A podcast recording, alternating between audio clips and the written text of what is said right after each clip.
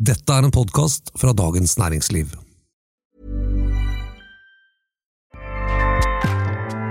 ACAST powers the world's best podcasts. Here's a show that we recommend. This is Roundabout Season 2, and we're back to share more stories from the road and the memories made along the way. We're talking rest stops, if we're stopping to get gas. You will be timed. you will be for sure. Misguided plans, I grew up in the city, so I have like, you know, a healthy fear of real extreme darkness. this was like wilderness. a lot of laughs, Y'all weird, but you, yeah, you, you were different. Like you were real different, bro. I can't really put my finger on it. and so much more. Just goes to show that unexpected things sometimes are the best when it comes to a road trip. Roundabout Season 2, presented by Nissan, is live now with new episodes rolling out every Thursday. Listen and subscribe wherever you get your podcasts.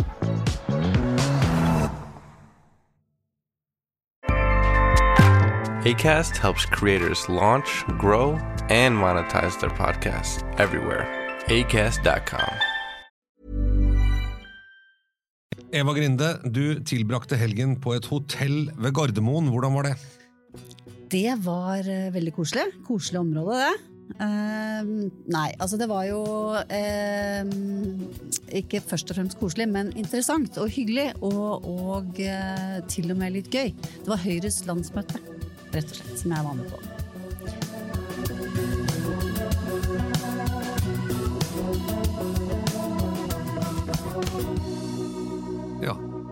Eh, regner med at stemningen var relativt god, på tross av at de ikke lenger sitter i regjering? Ja, det er jo det er jo den er, ikke sant. De har eh, Det er gode tider for Høyre, og det, det bar det jo preg av helt fra liksom eh, Erna Solbergs velkomsttale og til gjennom både lørdagen og søndagen.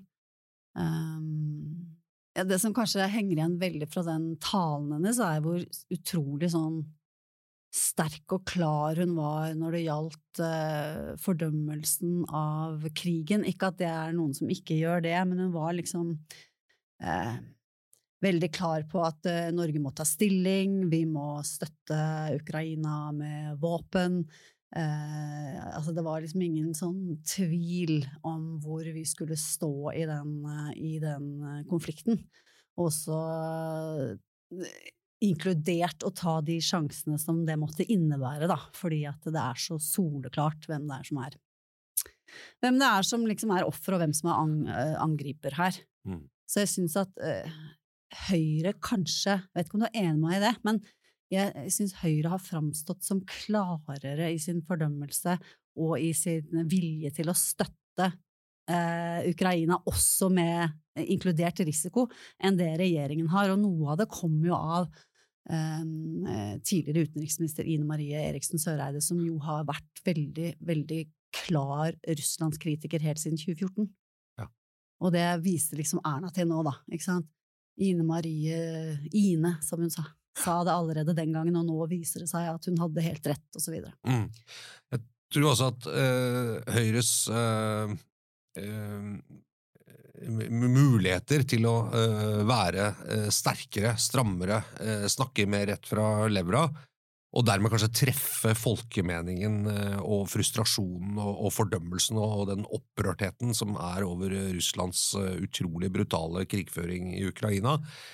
Den, det er jo Opposisjonstilværelsen gir jo der en mulighet, fordi at hun snakker ikke lenger som statsminister, og som statsminister så måtte hun jo veie sine ord på en mye mer sånn diplomatisk vekt, eh, med tanke på at vi tross alt også oppi dette skal ha et bilateralt forhold, eller et eget forhold til Russland, og vi er interessert i å holde spenningen mellom eh, Russland og Norge på et lavest Lav. mulig nivå. Eh, ja, altså Lav vet jeg ikke om man kan si at den er nå, i den situasjonen, men i hvert fall ikke høyere enn nødvendig. Og det er jo, men, men i opposisjon så har du ikke helt det, det kravet. Dette opplevde jeg selv en gang da intervjuet Erna Solberg et sånt nyttårsintervju en gang, eh, hvor det var nettopp var snakk om Russland. Og hun eh, sa i det intervjuet eh, en ting som kunne være at hun mente at man kanskje må ta en reform av FNs sikkerhetsråd, og at noen vetomakter kanskje ikke lenger burde ha vetomakt. Dette var da hun var, mens hun var da hun var statsminister. Mm -hmm. Eh, og da sa jeg, mente hun da Russland. Eh, det liksom var hun en slags anerkjennende på. Og da jeg skulle skrive dette, for jeg syntes det var ganske oppsiktsvekkende, da var det ganske mye panikk i kulissene eh, i, i apparatet, for de var sånn Dette her skjer veldig Så jeg måtte gå noen runder der for, å, eh, for at det sitatet ble formulert. Uh, altså Jeg måtte rett og slett skrive det akkurat sånn som det var sagt på teipen. Fikk ikke lov til å liksom, uh, skjerpe det på en måte eller sånn i sitatsjekken, fordi jeg bare skjønte at nå hadde hun rørt borti et eller annet. Hun hadde sagt litt hva hun mente, og ikke det hun skulle, på en måte. Og, og, sånn, og det jeg fikk et lite innblikk i hvor, hvor utrolig sånn eh, ordvalg, hvor utrolig detaljert og nøyaktig det er i denne i den, man skal kalle den internasjonale politiske Mm. settingen og, og det diplomatiske forholdet til Russland. Ja, det, akkurat det er jo litt um, aktualisert nå, da, med, det, med, med den talen til FN fra Zelenskyj, hvor han nettopp ber om at uh, Russland ikke lenger skal ha vetorett i Sikkerhetsrådet. Uh, der er det jo, så vidt jeg eh, har fått med meg, eh, en negativ eh, tilbakemelding både fra, både fra Vesten og fra, ja, fra alle, egentlig, hvor vanskelig det ville være å begynne sånn, og det kan man jo tenke seg òg. Hva, hva, hva blir neste gang da? Hva skal grunnlaget være? Skal Ja. Kina ha det? Ja. Men altså hele det der med at, man, at Kina og Russland og i det hele tatt USA for den saks skyld, alt ettersom hvordan man ser på det, har vetorett, sier jo noe om hvor, hvor vanskelig det er å styre verdenspolitikken. Altså det, og at makt uh, på en måte kan ikke det er, det er liksom ikke bare rettferdighet og menneskerettigheter som styrer, um, styrer hvem som bestemmer.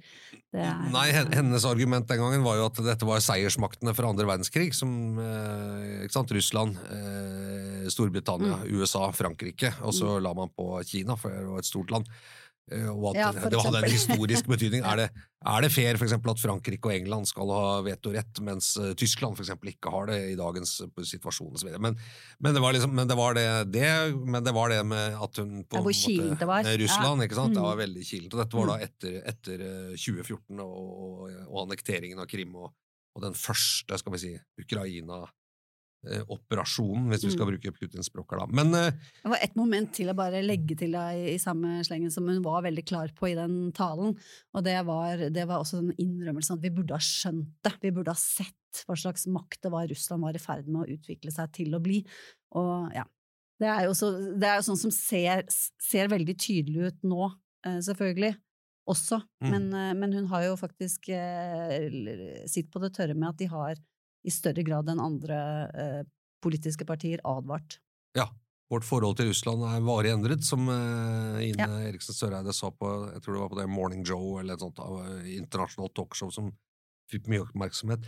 Men, men litt tilbake til landsmøtet. Eh, på et sånt landsmøte så er det jo alltid Erna Solberg, selvfølgelig. Eh, de landsmøtene jeg har vært på i det siste, så har det bare handlet om Erna Solberg. Eh, Det er jo stort sett det. Og så har det kanskje vært noen som har vært litt morsomme og sånn, men, men eh, det er jo en ny generasjon hvem, hvem utmerket seg på en måte av sjiktet under, under Erna Solberg? Hvem tok rommet, hvem var det ble snakket om, hvem, hvem var stjerna, bortsett fra Erna, for å si det sånn? Ja, nemlig. Eh, altså, det ble jo valgt en ny nestleder, eh, Henrik Asheim, som jo da fikk eh, den eh, oppmerksomheten eh, som, som eh, følger med det. Og han har jo vært nevnt som en av liksom, de lovende stjernene i, i partiet lenge. Så nå er det han og Tina Bru da, som sitter, eh, sitter som to nestledere. De hadde en interessant diskusjon seg imellom på sin podkast, som også ble tatt opp på landsstyremøtet.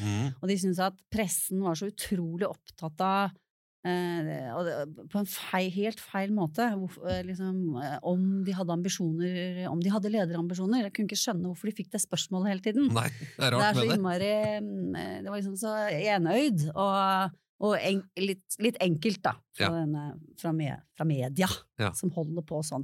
Så de, de prøvde å forbeholde seg retten til å liksom ta et verv uten at det betød ambisjoner. Ja. Så De evige nestledere, det er jo altså. bare én leder, så Ja.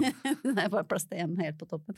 Nei da, men øh, Så det var interessant. Eh, så la jeg også merke til eh, en til, Ola Svenneby, som jo er leder av Unge Høyre. Han har jo også bemerket seg han, han virker som en sterk og solid eh, eh, ung politiker. Eh, han hadde et veldig sånn klart budskap, eh, blant annet. Han sa 'jeg driter i formuesskatten'. At han på vegne av liksom unge i partiet fikk jeg følelsen at nå er det nok med å bruke masse, masse tid på å diskutere den formuesskatten som liksom skal være det eneste som skiller Høyre fra alle andre partier, ikke sant. Mm. Så, så det var også ganske sånn uh, sterkt og klart. Applaus på den, eller? Ja, det var jo det. Men ikke hele salen? Nei, det var, det var, faktisk kanskje egentlig litt mindre enn jeg hadde tenkt da jeg hørte han si det. Bare sånn what, hva sa du nå? Og så ble det litt sånn ja, jeg tror det er litt sånn, litt sånn dobbel, doble følelser i salen der, da. Ja. Minst doble, triple, kvadruple. Alle partier har jo sin litt sånn vanskelige sak, mener jeg, som, Mm. hvor de er litt låst til masten. og Formuesskatten er jo Det er vel litt Høyres uh, svar på liksom SVs Nato-motstand. Uh, blitt et slags dogme Mm. uh, med ganske sterke interessenter. Men, men også min opplevelse den, den motstanden mot formuesskatten er, eh, er sterk fordi den, eh, den står veldig sterkt i de, eh, særlig på Vestlandet, eh, og i, i den type næringsliv som er ofte mer si, eh, ikke børsnotert, kanskje familieeid eller personseid, eh, og hvor eh, mennesker kommer i mye sterkere formuesskattposisjon og opplever det som en slags eh, ja, tapping av kapital osv. Så, videre. jeg tror ikke man skal underkjenne liksom, hvor, hvor sterkt dette er for små og mellomstore bedrifter. Da. Kanskje han må bite de orda i seg, det kan hendes, men det var jo litt friskt. Og jeg kan, skjønne, jeg kan skjønne at det er litt misnøye med hvor stor plass den debatten har tatt. Ikke sant? Ja, det, er, Som om det er det aller, aller viktigste på jord. det er et sitat som nok vil, som man, som nok vil bli attribuert til han eh, i, i fremtidige ting, kanskje også hvis det kommer til videre eh, Ja, kan komme til valgkamper og, og sånt noe. Eh, Ine Eriksen Søreide, da, det, var det hennes landsmøte også? Ukraina er jo hennes kjerneområde. Ja, det var jo det. Hun hadde en egen eh, Hun hadde jo en, en egen eh, presentasjon da søndag morgen. Um, og så um, syns jeg at jeg eh, liksom kunne lese litt eh, forskjell i innstilling til eh, hvorvidt vi skal ha en EU-debatt nå eller ikke, altså mellom Erna og Erna Solberg og Ine Eriksen Søreide. Altså, altså, For Erna Solberg sa jo for så vidt i sin, i sin tale også at det skjer mye i EU, nå må vi følge med og sånn, men på spørsmål på pressekonferansen etterpå så sa hun sånn nei, nei, nei, vi må ikke, det er ikke noe vits å bruke tid på det, og med 30 oppslutning i befolkningen er det waste of time og sånn. Eh, jeg tror ikke akkurat eh, Søreide sa noe helt annet, men jeg har en et klart inntrykk av at, at hun, hun er mer på, på hogget der og mener For det er jo klart at selv om det er 30% i befolkningen nå, så, så er jo ikke det uavhengig av i, i hvilken grad partiene setter dette på dagsordenen. Eh, det hørte jeg Raymond Johansen si, og det er jeg veldig enig i. At du, du kan ikke liksom bare skylde på at folk ikke vil ha det. det altså, jeg tror, tror ikke folk går rundt i dagliglivet sitt og tenker sånn nå burde vi jammen inn i EU. Da må man høre den debatten fra folk som jobber med det. Ja, det, det Så- tror jeg er et veldig godt poeng. og jeg tror dette er, Hvis debatten kommer, så vil folk gjøre seg opp en mening også. Så er jo spørsmålet, det, Men det er jo så mye politisk eh, taktikk da, og strategi i dette fra forskjellige partier. Altså Jeg vil jo tro at eh, Høyre har kanskje ikke så mye å tape eh, på det.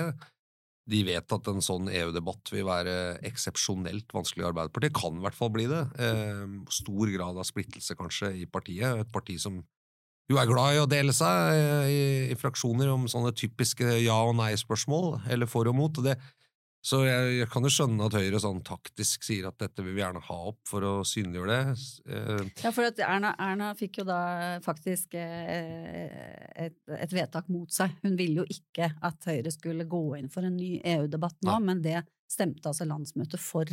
Ja. Så jeg vet ikke om det Nei, og det, dette har jo også noe med Men sør... Ja. Jeg vil tro at Erna Solberg, eh, sant, ved siden av å markere seg og, og gjøre det bra for Høyre eh, nå, og kanskje helt frem til 2025, så er hun jo også nødt til å holde den borgerlige blokken samlet. Og Fremskrittspartiet er ikke et ja til EU-parti. Eh, tvert imot. Så, så det å liksom ta standpunkter som åpenbart vil være eh, kunne gi grobunn for splittelse, særlig med Fremskrittspartiet, men kanskje også med Kristelig Folkeparti, altså det, det er litt eh, det, er klart, som, som borgerlig leder så vil hun sikkert unngå det, da. Det, Ja, ja, og det har jo vært hennes varemerke, ikke sant, å være veldig var på hva kan Altså å unngå disse tingene som kan sånn, skape splittelse, nettopp fordi at dette samarbeidet er, er det viktigste. Eh, og så var det jo en del eh, spekulasjon rundt eh, altså, i hvilken grad er Ine Marie Eriksen Søreide en kandidat som ny leder, og når kan det skje? Og da snakka jeg litt rundt med, med hva, hva, er det vi sier? Kilder sentralt plassert i partiet, ja. er ikke det det heter? Jo. Eh, men, men da, da, var liksom svaret omkvedet at det er ingenting som tyder på at Erna har tenkt å gi seg til neste år heller, liksom. Det er det de sier. Og så kom jo det litt rare intervjuet hvor hun sa om jeg skal fortsette eller ikke, vil jo også avhenge av om på en måte den rette kandidaten står klar til å ta over. Det var jo et intervju hun ga, var det til, jeg husker ikke om det var VG eller TV 2 eller noe sånt, men det var jo en interessant formulering, da. Ja. Men, men da, ikke sant, så er spørsmålet da om det skjer allerede neste år, eller ja, og det, eh, Hvis det skal skje før valget, så er jo det naturlig at, de, at det skjer neste år, nettopp fordi at etter neste år så har de tenkt å, å begynne med landsmøte bare annethvert år. Ja. Og da blir det for kloss opp i valget. Ja, og så er det et eh, lokalvalg og ja, ikke sant. Altså, ja. Altså, det, er, det, er, spennende. Det får du bare fortsette å snakke med kilder sentralt plassert i partiet. Eller land, landsmøtedeltakere, som det heter på et landsmøte. Ja, som det også heter. Ja. Eh, Søreide, for eksempel, er det ikke noe vits å spørre. hun er ganske god på å ikke si det, hvis hun tenker noe om det. Ja, ja. Eh, det er sant. Eh, bare et siste punkt om det med den EU-debatten som jeg syns er litt verdt å trekke frem. Eh, og som, eh, dette er ikke noe, Det har vært løftet frem av mange, men det er jo at siden 1994, eh, så, eh, som jo begynner å bli eh, en god stund siden. Det er jo 28 år siden, hvis jeg klarer å ja, sånn 27,5 i hvert fall. Ja. Hvis jeg klarer å regne. Det bør jeg jo, siden jeg jobber i Dagens Næringsliv. Mm -hmm. Yes, det er god, ja. Og det betyr jo at eh, mange alle de som var under 18 den gangen, er jo i dag blitt voksne mennesker. Eh, og det er jo en, nesten en hel, om ikke to, generasjoner som ikke har fått si sin mening om Norges tilknytning til Europa. Og vi er jo ikke så veldig mange år unna at det faktisk er da alle under 50, som er jo da kjernen i arbeidslivet osv. Så, videre. så så sånn sett, demokratisk sett, så kan det jo være på tide at også en ny, nye generasjoner får si sin mening om dette. Eh, for det er veldig mange av de som stemte nei den gangen, og ja også for den saks skyld, eh, fins jo ikke lenger i dag, antageligvis. Ikke sant? Det er jo litt interessant demokratisk. Nei, ja, absolutt. Sa du 28 år, eller sa du 24 år? 28, da. Jeg sa 28. Ja, ok. Bra. Ja, 94, ja, det må jo være det. Ja, 28, ja. ja. Det er enig i. Altså, jeg husker ja, nei, den avstemningen så godt at jeg, på, jeg ble sittende og tenke på det. Men... Det gjorde litt vondt å tenke på hvor lenge det var siden, kjente jeg nå. For meg, da. Husker hva jeg, husker hva jeg stemte òg, jeg kommer til å stemme det samme neste gang. Jeg husker at jeg var på sånn valgvake hvor vi hadde tre kaker. Der var det én ja-kake, én nei og én vet ikke. Og så var det en russisk venninne på besøk hos hun som jeg var hos, og hun var helt sjokkert. Er det mulig? Er det mm. mulig å tenke sånn? Ha, liksom, invitere folk som, fra tre forskjellige leirer til sammen. Hva stemte, hva stemte, du i 94? Vet ikke. Nei, det gjorde du ikke. Enten så stemte du, eller så stemte du ikke. Hva stemte? Jeg stemte ja. Du stemte ja. Okay. Stemte ja. Hva gjorde du, da? Jeg stemte også ja. ja. ja. Vi er ja. Mm. Vi kan bare innrømme det. Det er lov, det som kommentator. Svenskesuget eh, var det som tok meg. eh, og litt sånn motstand mot enkelte av de mer sånn aparte delene som sa nei. Men det Jeg var, jeg var veldig, veldig ung da, den gangen, så eh, Purung. Purung. Eh, det, noe mer vi skal si om Høyre, eller? Var det noe du ble overraska over? Tenkte Mm, eh, nei, egentlig ikke. Ikke sånn overrasket. Nei, så det, akkurat det spørsmålet der kan vi bare droppe, egentlig. Ja.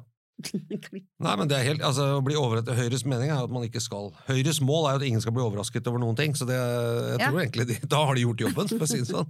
det, var noe, det, var ikke noe, sånn sjokk og vantro, det var det ikke. Nei, det, men sier litt om regien på dette. Det, ja, altså, det måtte være underholdningen, da, men ja. det, vi bør ikke bruke så mye tid på det. Det var litt sjokkerende underholdning. Stikkord? Eh, sånn rai-rai-faktor. Og folkelig, liksom? Folkelig. Ja. Ok. Eh, summen av landsmøtet må i hvert fall sies å være bra. Den siste målingen til eh, TV 2, som er gjort av byrået Kantar, den, den, har jo Høyre på 27,7 Jeg tror den er tatt opp etter uh, helgen ja, ja, I hvert fall så har det gått liksom den ene veien. Og det er borgerlig, borgerlig flertall der. Selv om KrF er under sperregrensen, så er det borgerlig stortingsflertall på den målingen. Nei. på noen målinger siden valget. valget. Har det det? Nei, Jeg tror ikke det. nei, jeg tror det vi kan si at så det, Det er så det er klart det er, klart det er medvind. Eh, og da er en, altså det er jo andre partier som har opplevd medvind mellom valg, uh, som det ikke går så bra med nå, nemlig Senterpartiet. Der går jo, der går det jo dårlig. Eh, 6,6 var det vel, eller sånn, i denne målingen, eh, tror jeg. Det var det, men skyldes det Oslo-elitebegrepet, eh, en 20 år gammel damegarderobe eller noe helt annet? Det skal vi snakke mer om snart. This podcast is brought to you by eHarmony, the dating app to find someone you can be yourself with. Why doesn't eHarmony allow copy and paste in first messages? Because you are unique, and your conversations should reflect that. eHarmony wants you to find someone who will get you. How are you going to know who gets you? If people send you the same generic conversation starters, they message everyone else. Conversations that actually help you get to know each other. Imagine that. Get who gets you on eHarmony. Sign up today. It's that time of the year. Your vacation is coming up. You can already hear the beach waves, feel the warm breeze, relax, and think about work. You really, really want it all to work out while you're away. Monday.com gives you and the team that peace of mind. When all work is on one platform and everyone's in sync, things just flow wherever you are. Tap the banner to go to Monday.com. Ryan Reynolds here from Mint Mobile. With the price of just about everything going up during inflation, we thought we'd bring our prices down. So to help us, we brought in a reverse auctioneer, which is apparently a thing. Mint Mobile unlimited premium wireless. Ready to get 30, 30, bit to get 30, bit to get 20, 20, 20, bit to get 20, 20, bit to get 15, 15, 15, 15 just 15 bucks a month. So, Give it a try at mintmobile.com slash switch. $45 upfront for three months plus taxes and fees. Promo for new customers for limited time. Unlimited more than 40 gigabytes per month. Slows. Full terms at mintmobile.com.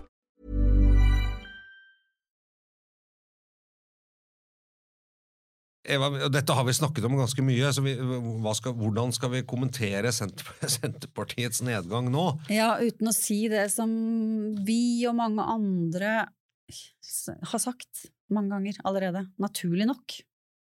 Det er eh, vi, vi har vært gjennom, og skal bare oppsummere hva vi har vært gjennom tror jeg, i tidligere sendinger og, og kommentarer. Sånn. Vi har vært gjennom at de har skapt forventninger de ikke klarer å innfri. Det har vi vært gjennom.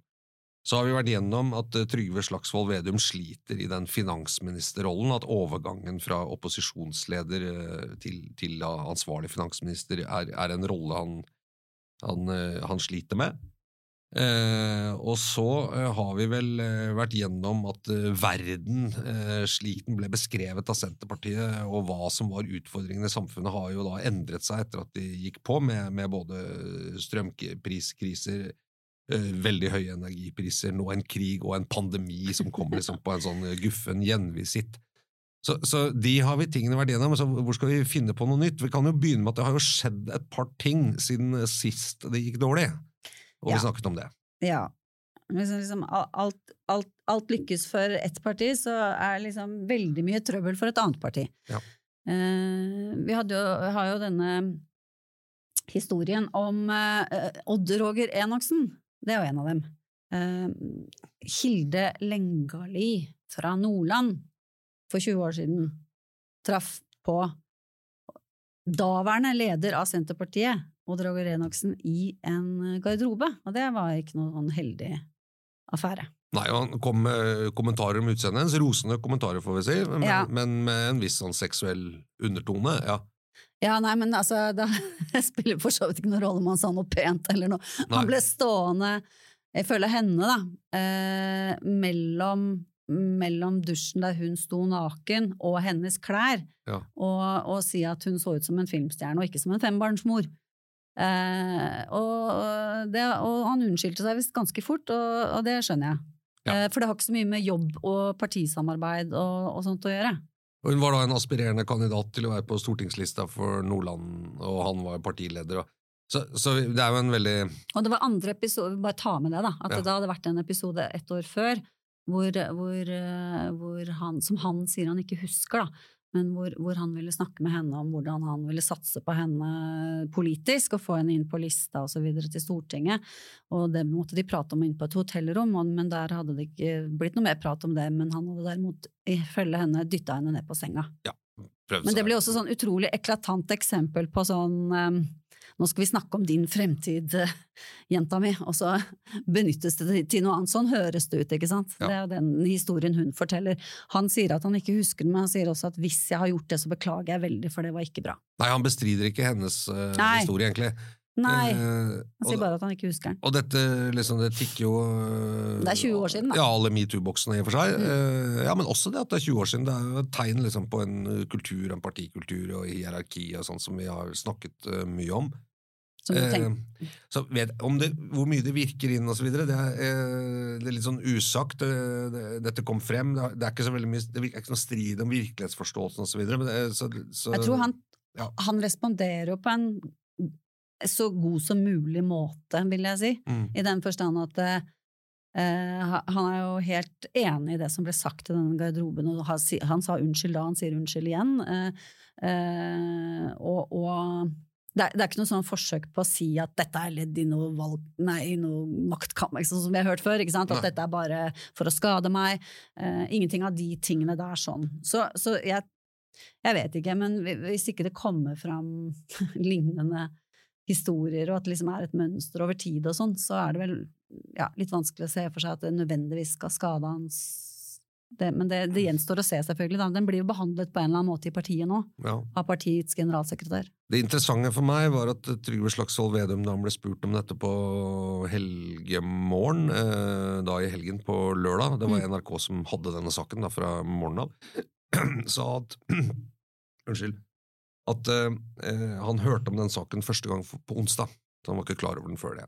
Og, og, det, eh, og, det og så viste han at dette blir håndtert liksom, partiets organer. Jeg, jeg, tenkte ikke så mye over det da, der og da, men det burde jeg gjort. For eh, det er jo rart at ikke en sånn sak har dukket opp i det man kaller altså denne vettingen, denne spørringen av potensielle statsråder, hvor blant annet det finnes det metoo-historier. Hvorfor heter det vetting? Det er et amerikansk begrep. Da, due, diligence, due, diligence, som vi sier på norsk. Eh, og hvor det er en slags hvor du skal fortelle, ikke nødvendigvis for at det kan gjøre at du ikke blir statsråd, men for at man skal vite liksom, er det noe som kan komme opp i pressen.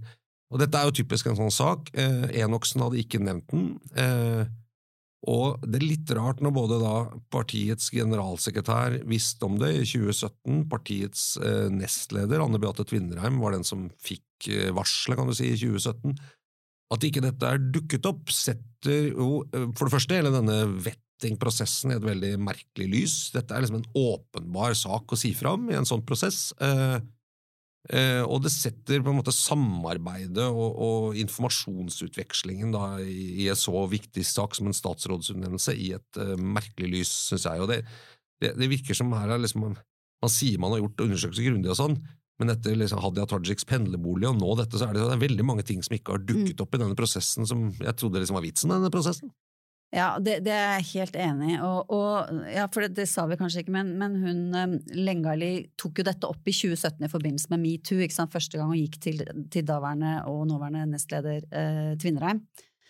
Eh, som eh, tok imot eh, informasjonen, og så ble de etter en prosess enige at det ikke var noe vits å gå videre, fordi på det tidspunkt hadde ikke Enoksen noen rolle i partiet, så han var ikke avhengig av noe eh, tillit som, som kunne som kunne rammes av en sånn type, en sånn, et sånn type varsel. Da, ikke sant? Mm. Så, sånn at, eh, og det var jo for så vidt logisk. Men det slår jo inn i det han ble statsråd. Ja, det er akkurat det. Og, og, og, det er derfor hun kom på nytt med det nå, med et ordentlig varsel. Da, ja, ikke sant? Fordi at hun reagerte på at nå, disse, de visste om dette, men de lot han allikevel bli statsråd. Så kan man diskutere ja, jeg er helt enig med Hvorfor i all verden kom ikke dette fram? Hvorfor ville ikke Enoksen Han visste at det kom et varsel mot han i 2017. Burde han nevnt det? Ja, og, og Tvinnereim, som sitter i samme regjering, eh, vet jo. Eh, mm. Og, hvor, og, hvorfor visste ikke partilederen det? Det var kanskje helt greit at partilederen ikke visste om det hvis det ikke ble noe sak osv. Litt med personvern i dette her. Altså. Men, men når han eh, plukker han ut som statsråd, så virker ja. det rart. Og da er det jo et eller annet som skurrer litt, syns jeg. da. Lenger. Eh, nei, skurrer litt, da, eh, syns jeg. Om det blir offentlig eller ikke, det syns jeg. Og så er det da denne saken som mange har fått med seg, med, med justisminister Emilie Enger Mehl, som uh, står på i og for seg et kjent standpunkt at de skal reversere denne domstolsreformen, men, Kjent. ga noen vendinger der. Ja, det står jo i Hurdals Ja, ja, og plattformen, Senterpartiets eh, altså Hun er tross alt uh, senterpartist, så det burde ikke være så overraskende, nei. Men uh, det var noe med stilen. eh, Ja, og kampen fortsetter. Hun kaller liksom motstanden for sånn eh, Oslo-baserte eksperter, og det var en veldig sånn nedvurdering av de som eh, kom med motargumenter. da. Nå, I og for seg kjente motargumenter som har fremmet mange ganger, men det var kanskje litt arrogant, og det har jo da mange har fått eh, vann på mølla der. Eh, det tror jeg kanskje liksom Hadde det vært før valget, så hadde jeg bare tenkt ja, ja, altså, det er sånn Senterpartiet er, ikke sant? Men, det eh, sier, jeg ja. det blir ganske sånn tydelig da, eh, liksom forskjellen på å være opposisjon og det å sitte i regjering. Ikke sant? Du, kan, du, Mm. kan ikke, eh, du, du kan ikke hoppe rundt på reportasje i VG og si sånne ting når du er justisminister. Det bare, eh? Krasjen blir så mye, mye større. Og det er kanskje det eh, på en måte Trygve Slagsvold Vedum har skjønt, da, i og med at han eh, blir en Tom Dress, som du har kalt ham for, istedenfor å, eh, istedenfor å fortsette med med, med den type retorikk, da, det, men, men så blir det så vanskelig, vondt og vanskelig at han nesten ikke sier noe som helst om noe, liksom. Så Kan hende også at hun tenkte at når jeg må dra på litt nå for å snakke til Grunnfjellet her, Ja. og få opp denne altså, måte, Hvis du får opp denne Oslo, sentrum-periferi Oslo mot uh, distriktene-dimensjonen, så kanskje folk kan huske at Senterpartiet faktisk er Senterpartiet. Så det er ikke Ja, sikkert det ja, var en sånn tenk- forsnakkelse. Kanskje bare si at vi vil gjerne ha opp den konfliktlinja igjen, for den, den funka for oss, da. Jeg lurte også på det, om det at dette kan ikke være tilfeldig, liksom. Altså, hun har på en måte Syns jeg da hittil For det, i begynnelsen så var det sånn selvfølgelig ny og ung og veldig korrekt, liksom. Og så syns jeg hun har blitt liksom mye sterkere og tydeligere på sine saker og en god kommunikator. Mm. En god statsråd. Og nå så var det plutselig liksom den derre det kan ikke ha skjedd, de kan, det kan ikke være noe hun har funnet på helt av seg selv, tenker jeg. Eller det kan være noe strategisk forsøk der. Få se hvordan det går. Ja, Eh, se om det er andre som eh, Ja, ja, vi har jo Ola Borten Moe, da. Han Ja, er jo ja, ute og ja. spretter, litt på samme måte, liksom. Han eh, hadde jo et veldig interessant sitat uh, uh, som uh, Ja. Ja, Nå, nå fra i dag Nei, vi snakker på onsdag, da spørretimen onsdag. Ja, han sa når det gjelder de store ja, men Litt bakgrunn her er at eh, Morten Moe som eh, høyere utdanningsminister har, har sagt at det er et stort utbyggingsprosjekt på NTNU, altså Universitetet i Trondheim, eh, på campus der, som, som er i ferd med å bli dyrere og dyrere, sånn byggeprosjekter ofte blir. Og så har han sagt nei, du får ikke mer. ikke sant? Ja, men da må vi legge ned hele prosjektet. Sånn, ja, for hele, altså Han er blitt streng. Og så han sagt i, i spørretimen når det gjelder de store byggeprosjektene i staten i min sektor, så er det viktig å understreke at festen er over, i den forstand at det er slutt med å hive penger på ting som ikke virker helt til det før eller siden blir ferdig.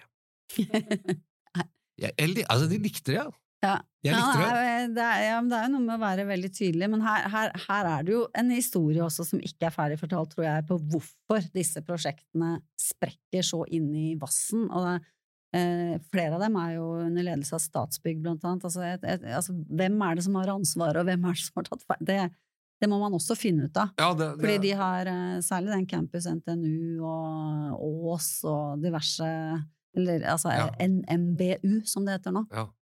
på Ås. Vi, eh, så vi er forsiktige, jeg har ikke helt oversikt over hvem som har sprukket, og hvem som er underbudsjettert, og hva, hva som er på en måte helt reelle forklaringer, at det var ting man ikke visste om, og så. Men, men det jeg synes, politisk er det interessant, for jeg syns at det Borten Moe gjør her, det er å eh, Dette er jo Sør-Trøndelag, som han er valgt fra, ikke sant? men det han gjør, er å forberede folk på å si at eh, for det første, det er en ny sjef her nå, han er streng. For det andre, vi begynner å få dårlig råd, så, så vi har ikke råd lenger til det vi skal. Og dette er en sånn effektiv måte å gjøre det på, syns jeg. Og det, her syns jeg han lykkes i noe smått, med noe som Trygve Slagsvold Vedum ikke lykkes med. Og, og jeg så Trygve Slagsvold Vedum bli intervjuet av Fredrik Solvang eh, på NRK Debatten denne uka. Eh, Hvor jeg eh, var et én-til-én-intervju i 30 minutter eller noe sånt. Han, han fikk rikelig anledning på en måte til å uh, dra noen lange resonnementer, komme med, bygge opp ting, og, og Fredrik Solvang var noen steder insisterende, men det var liksom ikke et sånt brutalt intervju.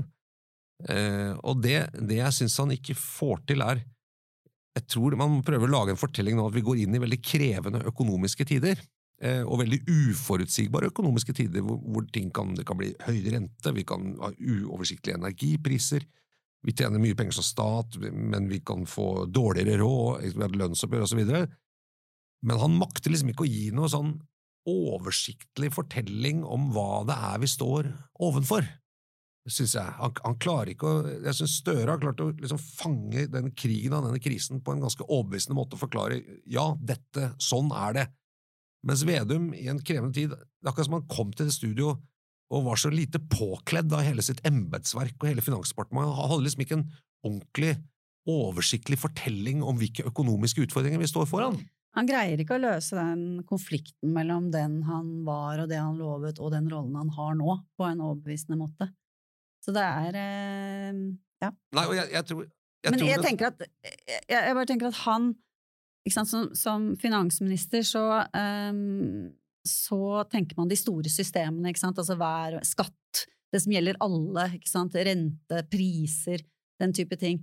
Eh, og det, er jo, det er jo vanlige folk dette rammer, og det er dem han har lovet å hjelpe, og det er de som nå sliter. Mens Ola Borten Moe er på en sektor han kan, han kan ta for seg disse mm, byggene Eh, og egentlig er litt sånn undertekst, dette er også litt eliteprosjekter, ikke sant? Sånne Mm. svære, dyre Regjeringsbygget er jo også inne her, ikke sant? Ja. Eh, ja, det er ikke hans ja, akkurat, men, da. men, det, Men, eh, men uh, det er fair, syns jeg. Men, men jeg synes at jeg tror, altså, jeg tror velgere og folk ser til en regjering for to ting. De ser til en regjering for løsninger på problemer osv., men de ser også til en regjering for å si at nå er vi usikre, kan dere fortelle oss hva som skjer? Kan dere gi oss en, på en måte en kvalifisert beskrivelse av virkeligheten, og hva dere vet, og hva dere ikke vet, osv. Det, ikke? Dette lyktes jo eh, den forrige regjeringen ganske godt med i pandemien. Det var dårlige nyheter, men de, de hadde et slags fortellingsgrep om, om det, sånn at vi skjønte hva det var vi holdt på med. Eh, og de var jo også, også da forbilledlig åpne på å si at "Dette- vet vi ikke helt ennå, osv. Men jeg syns liksom, jeg forventer at en finansminister, når vi står foran så krevende økonomiske tider klarer å gi en ganske sånn uh, autoritativ fremstilling av hvilken virkelighet det er vi lever i. Og så vil jo er- regjeringen bli målt på hvordan de håndterer den, men, men eh, her fikk han rik mulighet til det hos, hos Fredrik Solvang i, i god sendetid. Men det ble, liksom sånn, det ble like uklok etterpå, og, og det syns jeg er rart. Jeg syns det er rart når han er sjef i et departement som virkelig skal liksom vite alt om dette.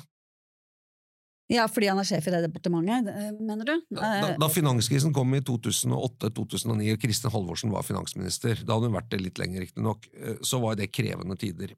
Men både hun og Jens Stoltenberg var jo veldig gode til å fortelle dette er krisen, dette er farlig, dette må vi passe på, dette må gjøre Altså, det var Men det er jo kaos, det men vi skjønte jo hva som skjedde, på en Det er jo nettopp det Vedum ikke får til. Han får ikke til greier ikke å, å bekle den rollen. Han greier ikke å gjøre det med autoritet. Eh, det er fordi det virker som han har så vondt i viljen. Han vil ikke være der. Han vil ikke ta det ansvaret. Han vil fortsatt si at vanlige folk skal få det bedre. Han fortsetter å si det. Og så får han regnestykket presentert for seg, og så sier han hvordan, hvordan skal dette gå til da, når man ser på et, et konservativt overslag over neste år, hva slags økte utgifter man får i en vanlig familie, ikke sant? Som jo er betydelige, mange titusener av kroner. Eh, Men, men hva var svaret da? Nei, mer av noe svar da? Nei, det, det tror jeg, jeg tror det er egentlig det som eh, En regjering blir jo målt på hvordan den håndterer den virkeligheten den styrer i. Den blir ikke målt så mye på valgløfter, tror jeg alltid. Eh, hos noen interessegrupper, ja, men, men ofte blir den sånn Klarer den å håndtere en vanskelig virkelighet Ja. noenlunde ok måte? Bortsett fra at han var så ekstremt tydelig i denne altså det, Her blir kontrasten veldig mye mer tydelig enn ofte, enn ofte er, da. Ja, fordi Fra liksom den rollen til finansminister. Og her kommer Pluss dommen, da, hvis vi nærmer oss en ingress, som er det vi har Ja, prøvd ja, å formulere her, er at Vedum besk beskrev virkeligheten før han ble finansminister, så beskrev han en virkelighet som kanskje eh, ikke eksisterte, men der Vedums politikk var svaret på alt. Og det var han veldig god på. Han hadde alle svarene, og så beskrev svar- han virkeligheten hvor han var det eneste svaret. Han lagde svar til problemer som ikke eksisterte. Ja, altså, det altså det ble, kan ikke helt si at det ikke eksisterte, for jeg tror mange Ja, oppfattet at de var der, og så videre, men vet, det var jo en del sånne dimensjoner, og når han blir stilt overfor virkelige problemer i den virkelige verden, hvor, hvor, hvor liksom hans, han ikke har svar, så makter han ikke å beskrive den virkeligheten. Og det, eh, og det blir han straffet for. Du, det skal litt til for at man skifter finansminister. Har vi, har vi mange eksempler på det? Tror du han, eh, Er det en sånn rolle man bare sitter i uansett? Hvor eh, bra man gjør det? Eh, ja, Senterpartiet hadde jo en finansminister som het Gudmund Restad eh, Ja. på 90-tallet, som snakket renten oppover ved å si mye rare ting om kronekurs osv. Eh, og han ble skiftet ut til slutt, tror jeg. Og så skiftet jo Jens Stoltenberg sin finansminister eh, eh, halvveis. Kristin Halvorsen gikk av, og, og Sigbjørn Johnsen kom inn. Men det var etter fire år, vel, eller noe sånt nå. Ja. Ja, ja. Så jo, det kan skje, men, eh, men altså, hvis vi kan skifte justisminister annenhver uke, så går det an å skifte gjør finansminister det. Ja. Men snakker han departementet sitt i, særlig imot det? Altså jeg vet ikke, Når han lover at, at vanlige folk, altså alle som tjener under 700 000, eller sånn, skal få det bedre, så tror jeg kanskje han snakker imot sine byråkrater i Finansdepartementet. Ja, men jeg, jeg, For hvordan skal han gjøre det? Når, når, når Anniken? Huitfeldt eh, uttaler seg som utenriksminister, eller, eller Jonas Gahr Støre uttaler seg som statsminister, eller for den saks skyld Enoksen uttaler seg som forsvarsminister, eh, så er deres situasjonsbeskrivelse, eh, vil jeg si etter hvert, ganske god, fordi de, de bruker alle fagfolkene i departementet. og de, Det er ikke bare de kan regne, de kan også sette ord på ting, ikke sant? Men, og jeg spør, er er, det er embetsverket? Klarer de å gjøre Vedum god nok? Og i, I og for seg så er det jo, hvis vi går inn i veldig krevende økonomiske tider, eh, uten at vi har Vi kan godt være uenige med finansministeren, men at han ikke klarer å liksom beskrive virkeligheten på en sånn noenlunde fattelig og korrekt måte, i hvert fall så korrekt som det kan være, og hva er usikkert, og hva er viktig. Eh, Ja, det tror jeg er Det blir problematisk. Eh, Så det er, for meg så aner jeg bare at det er et eller annet i kommunikasjonen mellom han og det ganske store fagmiljøet i departementet som ikke fungerer helt, altså. Ja, om det er hans mm, han som ikke hører, eller de som ikke eh, Ja, det er et eller annet eh, Hvem som har skylda, det er litt vanskelig å Kanskje de ikke vet hva som skjer? Nei, men altså, Det kan jo hende de ikke har noen gode svar, da. Nei, altså det er vel ikke noen som sitter og kan spå med sikkerhet alt som skal skje, men, eh, men å, å kunne definere det usikre, da, liksom, det var eh, det som vi har sett på som en suksess med pandemien. Jo, det handlet jo om å være veldig klar på hva som var usikkert også. At det, det, du kommer et stykke på vei med det, da. Det er eh, interessant, fordi at et, et, sånn, som jeg i hvert fall har fulgt Vedum, så han er, han er ganske eh, han, er, han er ganske god på å nyttiggjøre seg informasjon, ganske, en ganske god formidler. Ja, eh, altså, valgkamp var en ting, men han altså, ofte kan gi veldig sånn gode eh, versjoner, eller si, fortellinger om ganske avanserte ting.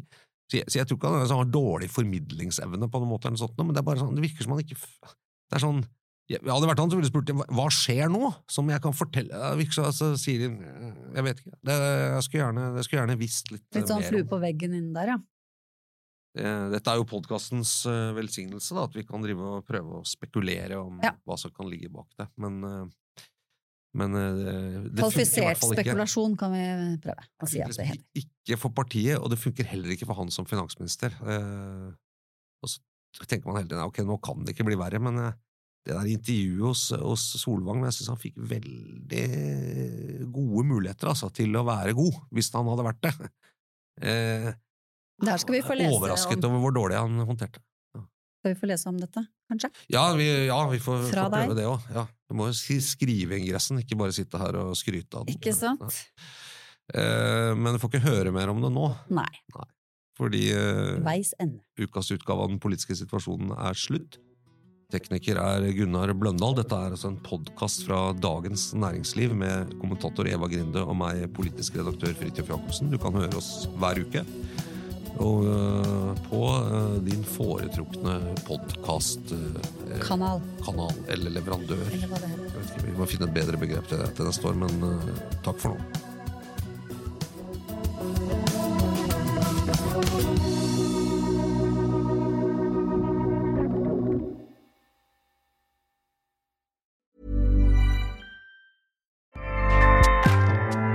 ACAST powers the world's best podcasts. Here's a show that we recommend. Are you a reality TV junkie? Do you ever think, dang, I wish I had someone to talk to about all the trash TV that I watch? Well, look no further, garbage lover, because Reality Gaze is a podcast for you. Hello, I'm Maddie. And I'm Poodle, and we're the Reality Gaze. We talk about all your favorite unscripted shows like The Golden Bachelor, Love is Blind, and TLC's big, messy behemoth, 90 Day Fiancé. And if you're driving to work, folding laundry, or just pretending to listen to your husband talk about sports, just put on the pod, and you've instantly got two gay besties spilling all the tea and reading these people for filth. So come at us, y'all. Find Reality Gaze wherever you listen to podcasts.